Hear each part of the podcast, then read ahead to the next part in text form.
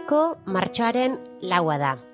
Berreunda hogeita mairu garren greba eguna dute Gipuzkoako zaharretxetako langileek, eta Donostiako emakumen etxean itxialdia egin dute. Martxoaren zortzearen bueltan diputazioak egindako deklarazioekin aurpegi zurik eta egin nahi dutela salatu dute. Feminismoaren bandera altxatu nahi du diputazioak, baina zaharregoitztako langileak abandonaturik dituzte feminizatutako sektorea da zaintzarena, eta horregatik langile hauek dira, aldundia interpelatzeko beharra dutenak emakume langilearen egunaren bueltan.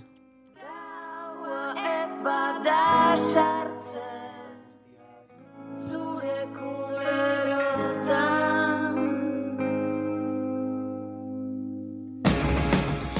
borroka honen guztiaren bueltan eta gehiagoren inguruan hitz egiteko gaurkoan Ana Mertxan eta Bego Gaintza eh, ekarri ditugu gurera. Kaixo, Arratsaldeon. Bai, Arratsaldeon. Arratsaldeon.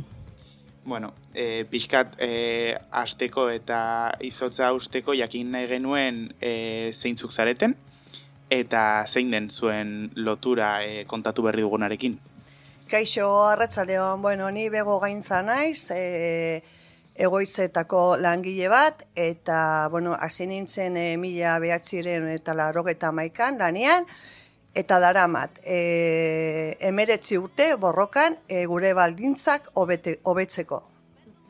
Epa, atxaldeon, ni berri izan amertxan naiz, eta ni ordiziko zarretxeko langilea naiz, mila behatziren da larrogeita amazazkiez gerotik, eta bego esaten duen bezala, ba, e, asira asiratik, ez dakit azkenen beretzi urtu, eta baina nik uste asira asiratik e, borrokan dara magun emakumea garela. Bueno, ba, placer bat, zuek hemen edukitzie, eta eskerrik asko gure garaian irratxaiora urbiltzatik.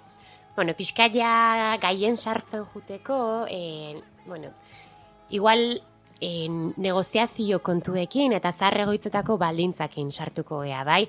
E, zarregoitzan bueltan ibiltza ez ibiltzen ez gean ontzat, ba igual azkenengo e, negoziazio prozesue bai izan da nahiko entzutetxue, azken bilek esango nukenik, eta baita ere ba, bizkaiko zarregoitzatako borroka hori, baino e, badakigu borroka hau ez dala horren berri, ez? Askoz lehenagotik datorren zerbait dala, orduan, e, noiztik, esa, aizpa dezu, ez, zuek pertsonalki ja badamazkizuela urte pila bat borrokan, baina nola kontestualizauko zenueke e, zuen burrukie ba, gaur egungo panoraman?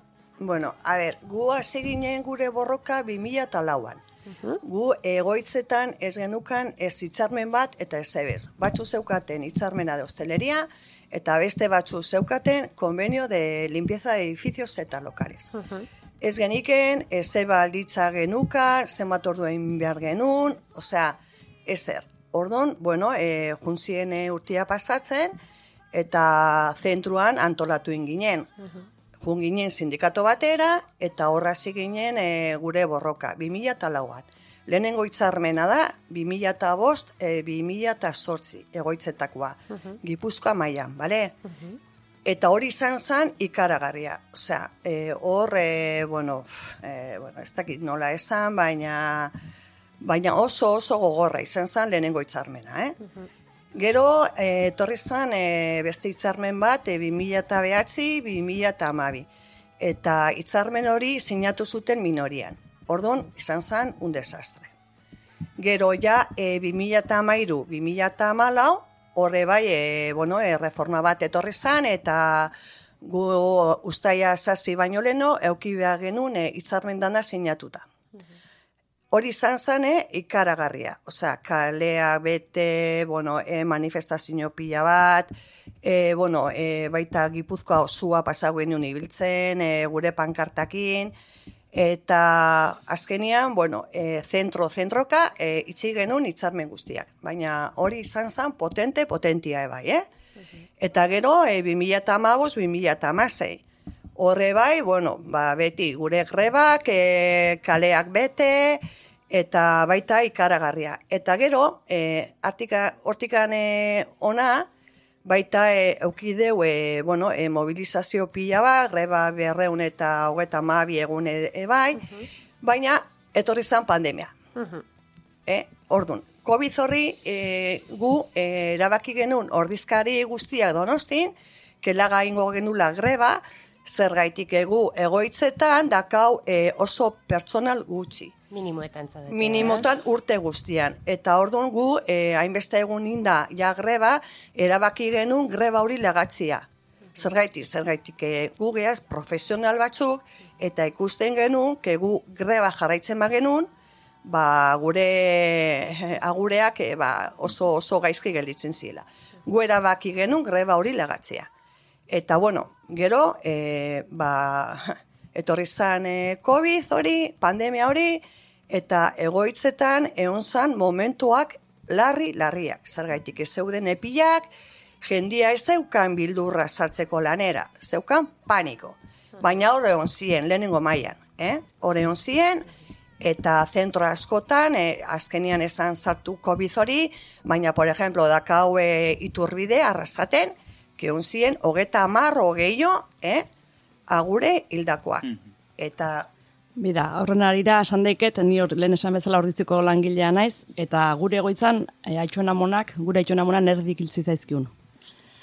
Erdik, Errez esatea. bai, eta horrez gain, e, langileen kopura handi bat, Zumarrako ospitalean egon zen ingresatuta, eta bertzen duen bezala hori, paniko ez urrengoa, oso oso gizki pasagendun, eta e, begira nola, e, gure residentzi itxi beharra izan zutela e, aitona monak bertan eukitzeko e, etziolako nahiko zurtasunik eta gelditzen bizi gelditzen zienak e, beste egoitza batuta bialdu zituen. Gero han bertan erreforma pare bat zituzten eta voltatu die bi urteren ondorenen, baina pentsa. Aitona monan erdik hiltzen zaizkiun, residentzi itxintzan, gero bueltan gainera hori, baina sufrituta gero COVID residentzia jarri zen Gipuzkoa mailan, berriz ere covid hori, erabat erdi zein da honen gure residentzien esan ziguten hori, berriz ere COVID ekarri bergendula geurera. Eta ordun hori, bigarren aldiz, e, nire residentziko langileak, bigarren aldiz, beste kolpe baja esan gendun, izan ere, e, beste residentzitan e, kutsatzen zien aiona mona gurera ekartzen zituelako. Ordun, dan noko oso gizki pasa deu, baina zoritxarrez edo ez dakiz zergatik, ba, batzuk beste batzuk baina okerrago, baina esan dezakegu e, orokorki dan noko oso gizki pasa genduela. Bueno, ikusten dugu pixkat, e, batetik e, egin dituzuen borrokan e, helburu printzipalak izen diela zuen lan baldintzatan nolabaiteko hobekuntzak txertatzea, baina bestetik e, zuen hitzetan nabarmena ikusten da, ba, zerbitzue hobetzeko borroka bat ere badela zuena, ez? Ez bakarrik lan baldintzan aldekoe. Bai, argi dau, e, beak esan duen bezala, bergoinak esan duen bezala, e, zerbitzu minimotan gaude gutxi gara bera urte guztin.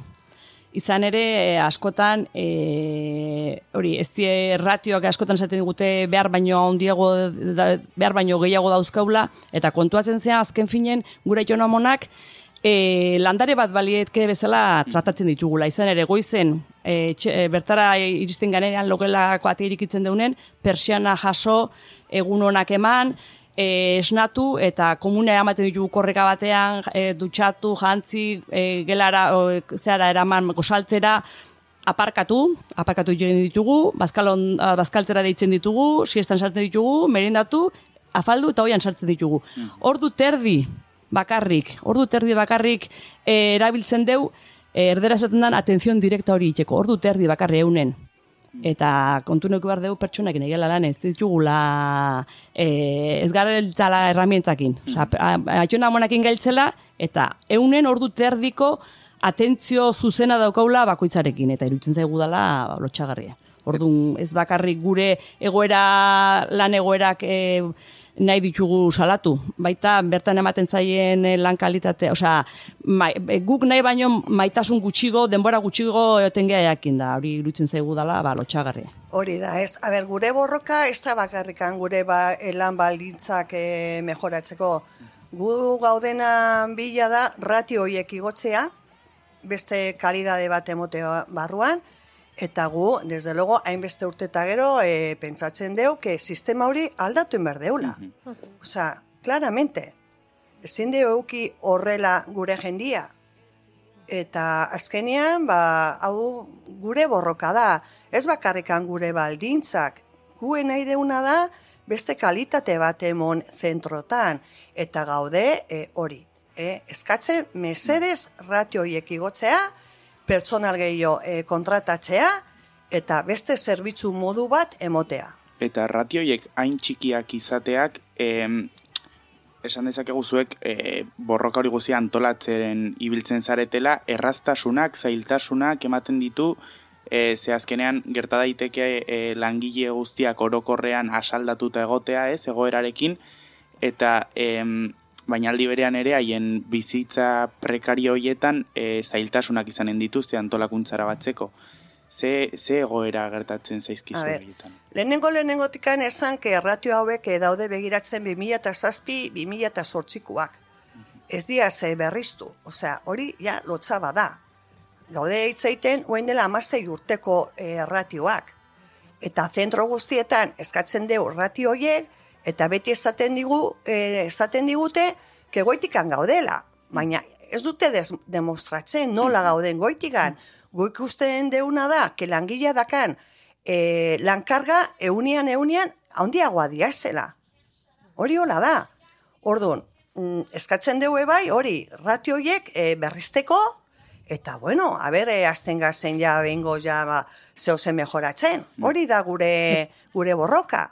Eta gaina kontu neuki behar da, ratio hauek e, nola dauden neurtuta. Izan ere, ratio hauek daude e, egun batean zenbat, e, osea, neurtzen die auxiliar eta enfermeren arabera, baina adibidez, sukaldeko langileak, garbitzaileak eta olako e, fisioak eta olako kategoriko langileak ez dirratio horren barrun sartzen. Eta ordu egiten da banak eta ratio horren konparak eta bueno, zea, neurketa hori ez da benetazkoa. Izan ere, residentzi baten ez daude bakarrik auxiliarrak eta erizainak. Auxilia, eh, egoitza batean, garbikuntzakoak, e, fisioak, psikologoak, e, garbitzailea sukaldariak e, baita sartzen die. Eta orduan, egiten den ratiorik, iruditzen zaitu ez diela, ez diela, Egokiak, bene, oida, ez diela ez benetazkoak. egokiak. Bueno, ikuste deu, e, zuek deskribatzen zuen bezala panorami egoitzatan benetan gogorra dala, ez? Eta, bueno, ziurrenik ari hortatik tiraka kontau alko zen izkigukete mila anekdota. Baina guk bai nahi genuen pixkaten faseie jarri, egoera horren danan aurrien, zuek egiten dezuen hortan. Zuen borroka hori, e, borroka sindikala eta langile borroka hori, nola antolatzen dezu. Zuek nola antolatzen zeate, erresidentzi desberdinetako langileekin egoteko, ez, em, eskakizunek eh, antolatzeko, ez dakit. Zein da zuen egiturie eta nola lortzen dezue langileen gana iristie eta langileen, langileek beraiek antolatzie. Bueno, gu lehenengo lehenengo zentro guztietan e, ordezkariak ateatzen ditut. O, ateatzen dugu, bale? Ordun, e, gero, alkartzen geaz, e, Gipuzkoa mailako ordezkari guztiak donosti.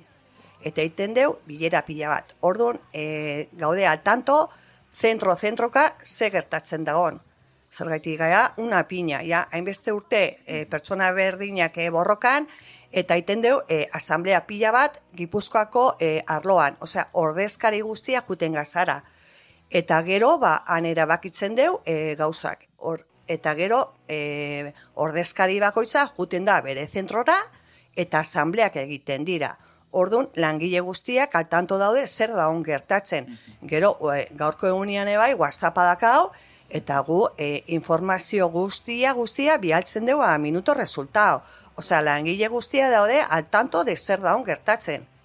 E, eta horrela egiten dugu, osea, e, bilera pila bat, bai langilekin, bai ordezkariekin, iten dugu sektorialak, e, debakuak, e, goierri, eta gero danok danok e, alkartzen gaz donostin, eta, bueno, azkenean, e, da gauz bak e, ordezkariak e, erabaki, erabakitzen deuna, gu erabakitzen deu, eh, zer, e, zer egin. Pentsaten dut ere, e, intentsitate ezberdinak egonen direla e, bai hitzarmen bat negoziatzen ari zaretenean edo bertzerik gabe egoera normalago batean esan badaiteke. Bai, aldatu da egoera.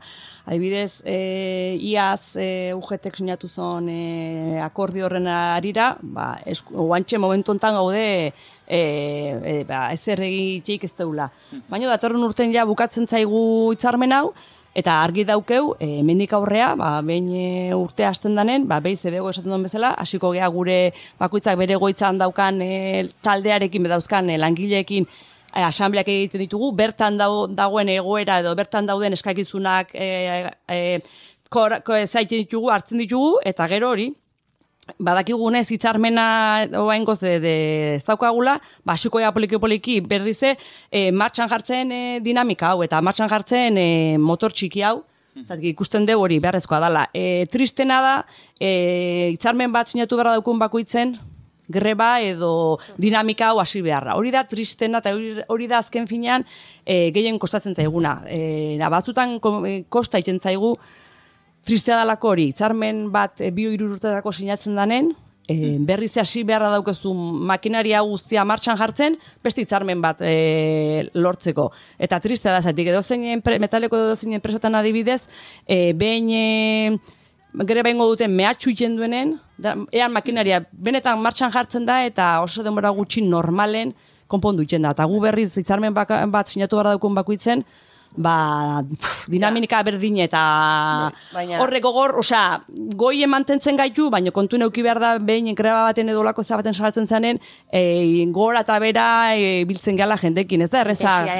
Bai, horregatik, ez da erreza. Ez da erreza. Ja, baina, Ana, hori gertatzen da emakumea zelako.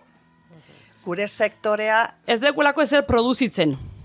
Bai, zaintza. Bizitza zaintza, dezu, eh? Bai, baina hori da, a ber, e, enpresa baten e, gizon bat da tornilloak egiten, eta kriston hitzarmena dakate. Eta gu, e, zaintzan gaude, eta guria ez da obalorauta e, lan postu ba bezala. E, beti begiratu da, que gure lana da e, un añadido al sueldo del marido. Y vocacional. Hori da. Eta hori ez da horrela. Bai.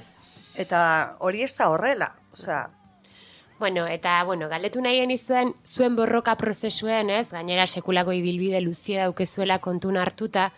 Borroka horotan egotie, ez? Ondo ateratzen dien gauzak, eta hain ondo ateratzen ez dienak ere, borrokaren ikuspegitik, ba, beti egoten die, gero askotan hoietatiken ikasteko aukerare izaten dugu. Baina zuen kasuen, edo zuen antolaketa prozesuen, zeintzuk esango zenukete izan diela, sagarrustelak edo bai. asmatu ez zuen puntuek? Bueno, gure sagarrustela izan da diputazioa, enpresak, politiko batzuk, sindikatu batzuk, hoiek izan dira. Pexente, eh? Bai, bai. Eskerra familia hundi bakeanik, eh? Bego. Bai. Hoiek izan dira. Eta gogorrak, eh? Bai, biden harri txiki asko jarri dizkigute. Eta emakumiak egonda, eh? Lan postu hoietan, eh? Oso gogorra. Eta pentsatzen dut ere, e, parte txar hori dagoen gizan ere, e, bueno, zuen e, lanpostuetan normalean, e, esan duzuen bezala, feminizatutako e. lanpostuak dira, eta e, pentsatzen dut, harri txiki hoietatik ateratzeko ere, e, baten batek eskua luzatuko zizuela, ez dakit, e, aliantzaren bat sortu izan duzuen, bai mugimendu feministarekin, edo... E, A ber, gu e, egia esateko e, beti ongeaz e, gu. Osea, mhm. gero bai, e, eskatu dugu atxikiak eta euki dugu, eh? Feminista, jubilatuak, e, atxarritarrena, hori euki dugu, familiarreak bai. Bai, zenitartekoak. Hori da. Baina azkenean, e, borroka, borroka, borroka, bakarrik ongaz, eh? Bai. Bai, ez da, ez da, bada, e, zuen borrokak parte asko ikutzen ditu, eta igual aliantza gehiago egitura hodie momentu puntualetarako, eta ez, bere garaien hor e, senitartekun elkartiek, eta mm. alakoek ere. Bueno, e, aldi berien, bueno, bagaude e, egun historiko baten bezperatan, zuek esan dezu, neatorri zeate guztiz estresauta, gainontzeko ege nahiko alaxe gabil, baina bueno, datorren hastien, azaroren hogeita marrien, greba feminista orokorrera dei egin du mugimendu feministak, eta e, greba feminista orokor hortan, bueno, zaintza hauzile problematizatu nahi da. E, bueno, irratxa hau entzuten duen edonork, ez du zalantzan jarriko zaintzarekin zenbat arazo ditugun, eta zeatik da nain garrantzitsue hau erdigunien jartzie. Baina, bueno, zaintza zuen e, lan profesionala izeti ez aparte ez, bada hauzi sozial bat ere.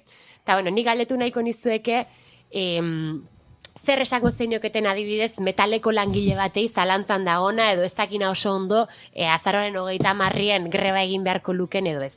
Bueno, banik izango nien, e, kezaintza, jaiotzen danetik pertsona bat hilarte behar dala. Eta esparro guztitan. Etxen, kalen, lantokin, erosketak jajuten zanen, trenea zoatzenen. Osa, esparru guztitan. Eta lema, niretzako lema garantziona da zaindu gaitezen. Eske, elkarri zaintzen ezpagea e, porrot bizitzari. Osa, porrot e, gure e, bizitzeko grina honi. Eta e, asko esaten, hau ez da esto de, de tias, ez. Hau danona da. Danona da, zati zaintza dana da. Zu lantoki batea zoatzenen eta e, kafetxo bat hartzea zoatzenen e, ameketako jena izanen, elkarri ere zaintzen nahi gea, elkarrekin berra oizketan nahi genen, horri ere zaintza deitzen zaio, nire ustez hori ere zaintza da. Eta horrexegatik, e, iruditzen zait, e, komeni dala hori, e, danon arteko, jarri bara dauku bakuitzegori. Lehen harri txiki jartzen genituen bezala, oain, e, ogi apurtxo bat e, jarri barko genduke, ba hori, e, gero sorta, e, benetan e, ona izateko.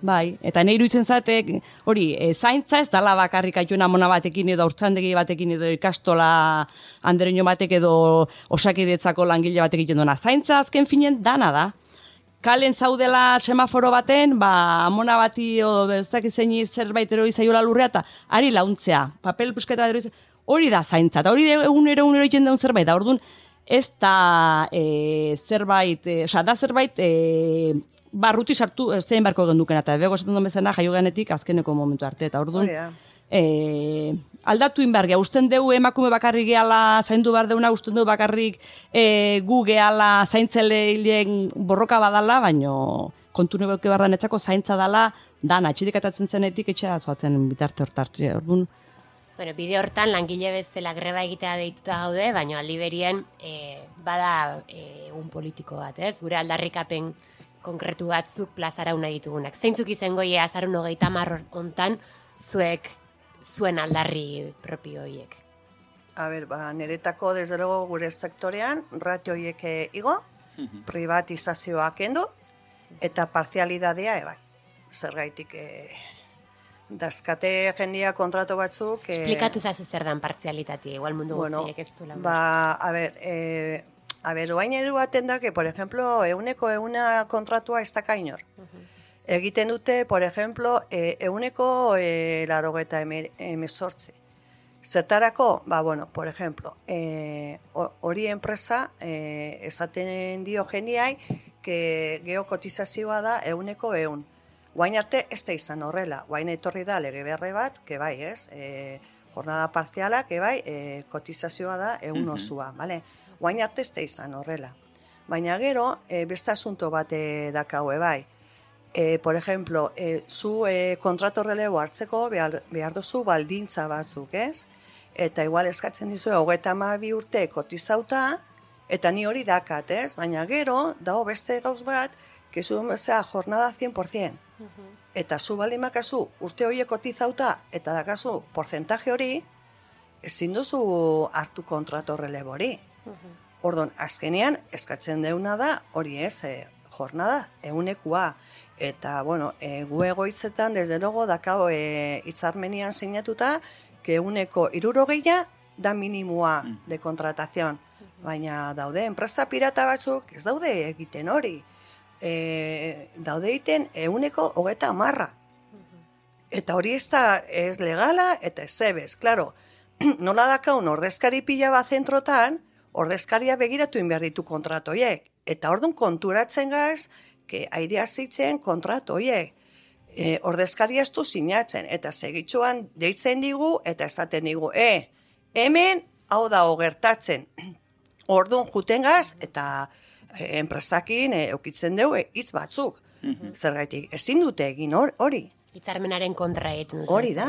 Eta horrez gain, partxaltasun horrek zekartzen du, e, jornada osoa ez izateaz gain, e, azken finen, telefonon zai zaude egun guztian. Zuk euneko hori, asten hogeita ma ordu egin beharren, e, asten hogeita malauko e, kontratua balin badaukezu, ba, mm, gaur goizean e, langile bat gaixo jarri da, eta zes nahi do, e, telefonon pendiente hon behar dezula, ba, behar ba sortzen balin bada, ba, lanea jun beharra daukezulako. Eta ordun e, e, askotan e, e, hien hasieran, hoien bukaeran, e, kalendario bat itxia eman beharren, uzten dizkizute un batzuk hor pendiente, eta hori, tel WhatsApp ez, edo bait WhatsApp ez, edo bait telefono deitzen dizue, eta ordun ba hori. Partxaltasun horrek zekartzen du, ba, prekaritatea. Zatik, azken finen ezin dezu zure bizitza pertsonala e, am, e, bueno, latu berra daukezu lanaren arabera. Eta ordun ba, horrek e, ba, hori, ekartzen dona da, ba, prekaritate haundie. Eta gero ez, ze jornada dakau, e, zergaitik e, igual, daude langile batzuk eguten dia ziru aldiz egunia lanera. E, refuerzuak egitera. Lehenengo goizeko sortxiretatik igual amarrak arte, e, jendea igotzeko gozaria emon eta etxera. Gero eguerdian, berriz, buelta hori meza, igual ordu bat, o beste bi ordu egiteko. Baskariak eta emon, eta gero siestano laga ureak, eta, eta gero gabian, berriz, zazpiretatik behatziak arte, buelta. Egun guztia. Afariak emoteko, eta gero e, oheratzeko egoiarrak, eske da lotza bat. Sei ordu lan egiten dituzu, edo zazpi, edo zazpi ordu hori Hori. lan egiteko, lanea hiru aldiz jutentzea. Eta orduan, hori, hori ikusten deure hori prekarioa dela. Bai.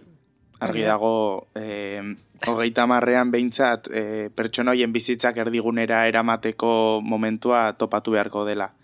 Eta eh, pixkat bukatzen joateko, eh, bueno, argi dago eta elkarrezketan zehar entzun dugu, ez? Eh, esaten den bezala, kaioa baduzuela eh, borroka honetan guztian, eta, bueno, eta oraindik asko duzuela emateko aurrerantzean, baina bai, e, gelditu nahi genuen irakaspenetan momentu batez.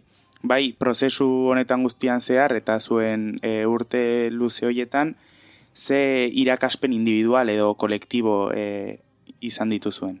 Bueno, ni individual e, urtea e, hauetan sentitzen naiz. Langile bezala, emakume bezala eta borrokalari bezala oso harro. Zergaitik e, gure borrokagin, pausotxo, pausotxo, pero aurrera goiaz. Eta hori indar, horrek indar ematen du. Neretako, eta ne, desde luego bien, e, nere zenarra, eta ni bi alaba dazkat, bat hogeta bostut eta beste hogeta behatzi, eta amangatikan sentitzen diaz, arro. Mhm. Eta ni pertsonalki horrekin gelditzen naiz. Eta iruditzen zait hori, e, zaintza lan hauek azken finen e, indituguna da bere erdigunean jarri ditugula. Gure borrokaokin erdigunean jarri ditugu zaintza lan hauek. Lehen e, zaintza lanak egiten zituzten gure atxona, gure amonak egiten zituzten, gero guasi ginen lanen, eta guain, behar zaten bezala, hori, eme alabak edo e, arro daude, e, pertsona bezala asko ikasi deulako, bai. maitasun asko ematen deulako, bai kalen eta bai lanen. Zate nik uste dut azken nahi amonakin lan egite honek e, beste sensibilidade bat e, nik ez non ikasi residentzi baten lan egiteko, baina bizitzak ematen zaitu ematen zailuen lekura, eta kontuatzen zea e, pertsona bezala e, asko aberazten zaitula. Bai. Eta ertetzen zanean e, alabak eta ama zua, eh? Venga, eh? Ama zua, ez paso bat atzera, eh? Hori, ba, niretako, venga, ioi. Bueno, garbi da, e, ez, lortu dezuela nolabait sektorien profesionalizazioa eta eta duintasun bat aldarrikatzea, ez? Osea, zuek egite zuen lana duine izen berdula, ba, zainduko dituzuen pertsona hoien bizilek duinek izan daitezen, eta, eta noski hortako ezinbesteko edala, ba, zaintzen dabiltzen langile horiek mm, baldintzak, ba, ba duinek izeti ez, da? Bueno, gauza asko ekarri dizkiguzue, eta hola pixkat borobiltzen juteko e, lema bat eskau nahi genizuen. Lelo bat. Pankarta bat jarri berko balima zenuen gaur nahi balima ezue aldundien aurrien edo jaurlaritzan edo nahi dezuen lekuen, Ze, zein izango zan zuen. Hainbeste Ni- dauzku? Ni piniko nitun bi. Bi, venga. Gora emakumeen borroka, jotake, irabaziate. Eta zaintzaileak zaindu. Beira. Dotore. Oso ongi. Bueno, ba, gure partetik hori zen ezakit bertzerik esan nahi duzuen. Bueno, bai, e, ni, gu esango deuk, urren urtean, e, berriz hasiko gehala e, plataforma batekin, hitzarmen berri bat lortzeko, eta, bueno, aurrera jarraituko deula gure borrokakin. Hori, klaru, klaru dakau. Jotake irabazi arte. Hori da. Jo, eba, eskerrik asko neskak, plazer bat izan da zuek gure artien eukitzie, eta bueno, hona etorri aurretiken eskau genizuen e, abestitxo bat, pixkat borroka honekin e, lotze zenutena, ondo irutza balma zaizue, abesti hori jarrita bukatzen dugu, eta nahi badezue dantza, eta zerbeza bat ere hartu laizke hori zaintza badata. Bueno, ni bakarrik eh, nahi dizuet eskertu, gure ahotsa entzuteatik, eta mila esker. Zuei. Eta zein da abestia berana? Edo, bego, edo... Bego gaukeratu abestia da, beak esango dizu zein da abestunen historioa. Bidali nizun, eh? Bai, bai, bai. Denborik ez zeteuk entzuteko ere. Zein da abestile? Oin entzungo duguna. Nahi zu sarreratxo bat egin abestilena? Ez, ez, bueno, ba entzungo dugu Orain- zuzenien. Be Orain gustatzen zaio pribatuan abestuko dugu. bai. Eskerrik asko. Eskerrik asko. Zuei. Aio.